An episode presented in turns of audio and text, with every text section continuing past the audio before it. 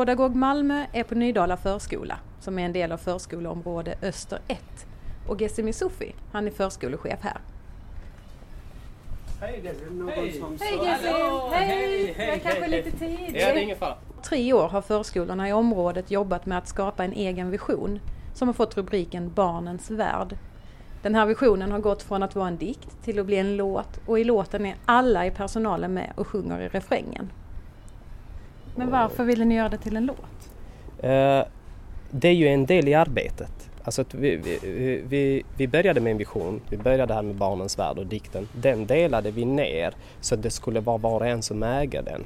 Så vi jobbade med den kreativt, vi jobbade med den, vi illustrerade det i form av teater, vi illustrerade det i form av konst och så. Och, och sedan har vi jobbat med det i två och ett halvt år ungefär. Och då tänkte jag att nu behöver visionen på något sätt lite mer bränsle. Och tänkte att ja men då, då, är, då delar visionen i del två. Eh, för att jag tror att eh, en, om man bara sätter en vision men inte ger den näring så finns det en risk att visionen blir bara drömmeri på något sätt. Så vi ville skapa liksom någon mer av rutiner och struktur kring visionen för att ge den näring. Och då blev det en låt och då kallar vi det som vision som del två då, låten. Och efter låten har vi ju Vad händer ju, vad är del tre? Och då har vi tänkt att den ska ju spelas in på olika språk. Och då vill vi ju ha pedagoger antingen med röster i bakgrunden med olika språk eller någon annan som kanske har en förmåga som kan sjunga och sådär som får sjunga den på olika språk. Det får vi se. Sen kommer det ytterligare delar. Så vi ska göra film av den. Vi har ju också delat att allt detta vi gör då med medarbetare och pedagoger, det gör vi med barnen. Så barnen spelar nu, skriver ner sina egna låtar och spelar upp, eh, spelar låtar liksom så.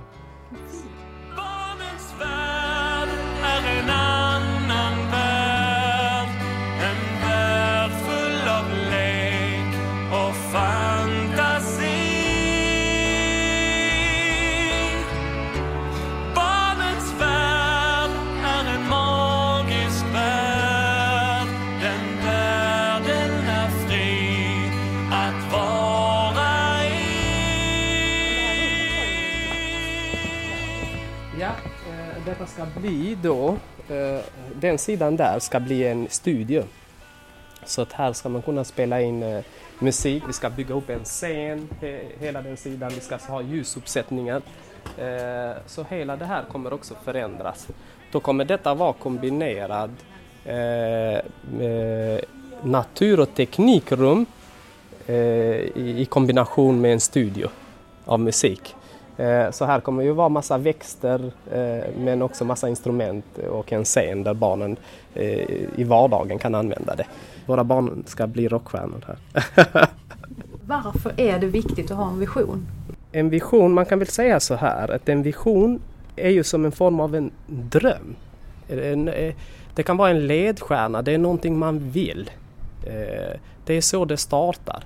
För att jag tror om vi har verksamheter där vi förväntar oss att det ska ske utveckling, då måste vi också våga drömma mot utvecklingen.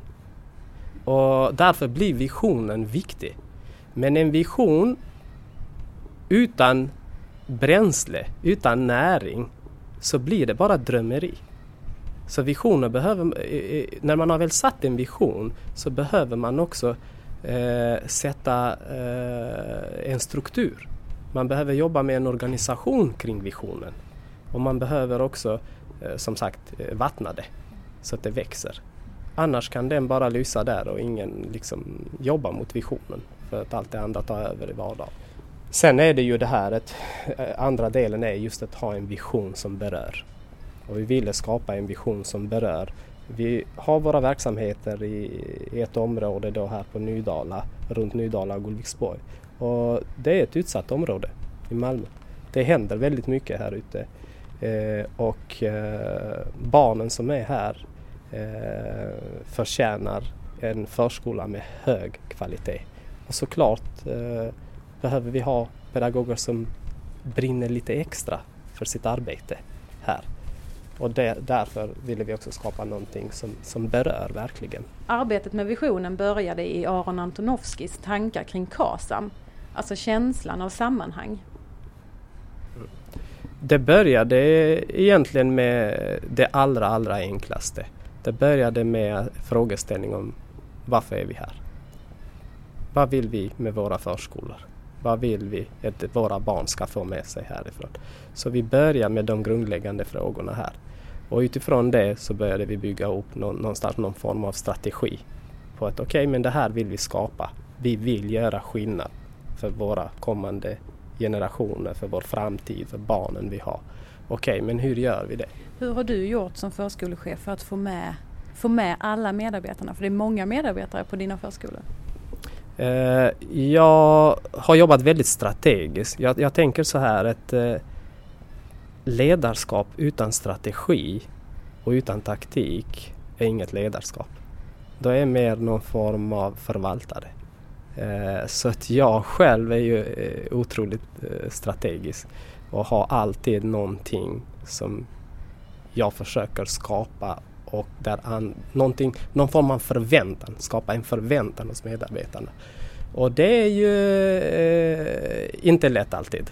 Eh, därför byggde jag upp en metod då som, som jag kallar för eh, eh samtal och effektivitet då. Eh, samtalets betydelse i ledarskapet. Och den här metoden handlar om då att man träffar medarbetare kontinuerligt eh, i form av eh, dialog där man sätter upp mål. Så att det är verksamhetens mål och måluppfyllelse som är i fokus. Och då träffar man medarbetare kontinuerligt, någon kanske varje vecka, någon kanske varannan vecka, någon var tredje vecka beroende på behov och så. Och detta har nog hjälpt oss att hålla visionen levande. Eh, då vi hela tiden har kunnat återkoppla och komma eh, tillbaks till ett varför är vi här då? Så här. Och samtidigt också att vi som ledningen försöker hela tiden vara där och stötta, vara, eh, vissa visa vägen och, och sådär. Vi har tre ord som vi brukar följa i min ledningsgrupp och nu jobbar vi det med medarbetare också och för att vår ledarskap ska bli så att säga lite mer komplett. Och då säger vi så här att för att kunna leda eh, och få, och få bra resultat eh, så behöver man vara på något sätt någon form av sympatisk medmänniska, eh, en konsekvent lärare och en klok vägvisare hela tiden i alla situationer. och det är lite övermänskligt men det är i alla fall något vi strävar efter. För att vi är ju så, det är inte bara trivseln i mina verksamheter som är stjärnan i, eller som är liksom så att säga det vi strävar efter. Det är inte trivseln, det är utvecklingen. Och, och, för att, eh, och trivseln kommer av sig själv. För att det jag är mest stolt över i, dessa, i mina verksamheter och med de personer som jag leder och, och mig själv, det är att vi leds mot utvecklingen. Och det är utvecklingen som är så att säga nummer ett för oss. Eh, både organisation och den personliga utvecklingen. Jag tror många gånger pratar vi väldigt mycket om organisationsutvecklingen men jag tror numera behöver vi också prata om den personliga utvecklingen hand i hand med organisationsutvecklingen. Just den personliga utvecklingen, att hitta och odla varje medarbetares talang har varit viktigt i arbetet. Så att vi försöker ju fånga eller kartlägga eh, medarbetarnas kompetens. Både vad de har formellt i form av utbildning och vad de har Eh, i form av talang till exempel. Eh, vi har just nu till exempel en arkitekt som jobbar då med visionen men i form av byggande med barnen och bygger upp saker och konstruktioner och lite sådär. Eh, vi har någon dansare som ska snart starta en dansgrupp. Så att det kommer ju mer och mer och det, för oss blir det ju det här att hur fångar vi det som pedagogerna brinner för? Och hur kan vi då organisera vi i ledningen som de får möjlighet att utföra det och ge det till barnen. Mm. När jag började jobba som förskolechef så kunde jag känna att eh, eh, det arbetet, alltså arbetet var väldigt statiskt. Man, man hade olika möten med olika eh, personer som hade olika kompetenser och då var det krav på att de här kompetenserna skulle göra det och de andra grupperna skulle göra något annat. Det var liksom, sen fanns det också en diskussion om att, att eh, ja, men bara för att jag är barnskötare får jag inte lov att göra det men jag som förskollärare ska göra det. Och det på något sätt har jag velat bryta. Eh, såklart så, så vill jag att det ska att alla ska ha förståelse för varandras uppdrag och det ansvaret det uppdraget bär med sig. Men jag tänkte jag måste forma någonting där vi faktiskt kan ta tillvara på varandras icke-formella kompetens. Ni har jobbat med visionen i två och ett halvt år. Eh, tre, Tre. år eh, Mm. har vi jobbat med det nu. Vad har varit eh, det svåraste? Det svåraste med visionen har väl varit, man kan väl säga att det var i början var det lite svårare när man kommer med en vision man har jobbat i en verksamhet där inte man är van att jobba med en vision på det sättet så kan det kanske låta i början som att en vision kan vara lite någon form av drömmeri. Eh, liksom så. Och eh, jag kunde ju eh, säga att vissa pedagoger kanske upplevde mer som att oj, är det här möjligt att göra? Därför var det viktigt här att vara eh, engagerad som ledare eh, och verkligen eh, vara med medarbetarna och visa att det här är på riktigt. Det här vi vill skapa. Vi vill skapa barnens värld. Och eh, vi kommer inte ge oss. Eh, det, det, det har nog varit eh, det som har varit svårt i början. Men så småningom när den kraften från medarbetarna kommer, när de förstår att de gör skillnad varje dag de är här.